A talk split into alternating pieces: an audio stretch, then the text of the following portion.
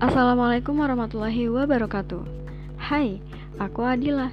Masih tentang ekonomi Islam. Kali ini aku akan membahas prinsip pokok ekonomi Islam. Dengerin sampai habis ya. Ada enam prinsip-prinsip pokok ekonomi Islam. Langsung aja ke yang pertama, yaitu pengendalian harta individu. Jadi, harta individu ini harus dikendalikan agar terus mengalir secara produktif.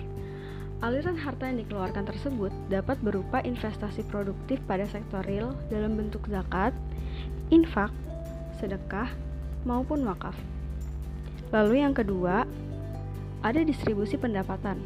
Didistribusikan melalui zakat kepada delapan golongan yang berhak menerima, yaitu fakir, miskin, amil, mualaf, hamba sahaya, gorimin, visabilillah, dan ibnu sabil.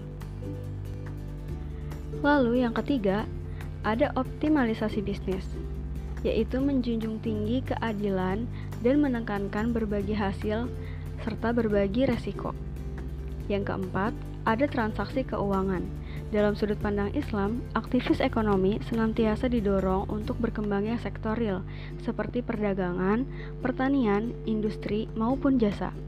Yang kelima, Partisipasi sosial, misalnya mewakafkan tanah untuk pembangunan rumah sakit, membeli sukuk untuk pembangunan jembatan atau tol, dan sebagainya.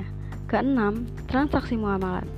Sejalan dengan nilai-nilai ekonomi Islam yang menjunjung tinggi keadilan serta kerjasama dan keseimbangan, setiap transaksi muamalat, khususnya transaksi perdagangan dan pertukaran dalam perekonomian, harus mematuhi peraturan yang telah ditetapkan dalam syariat.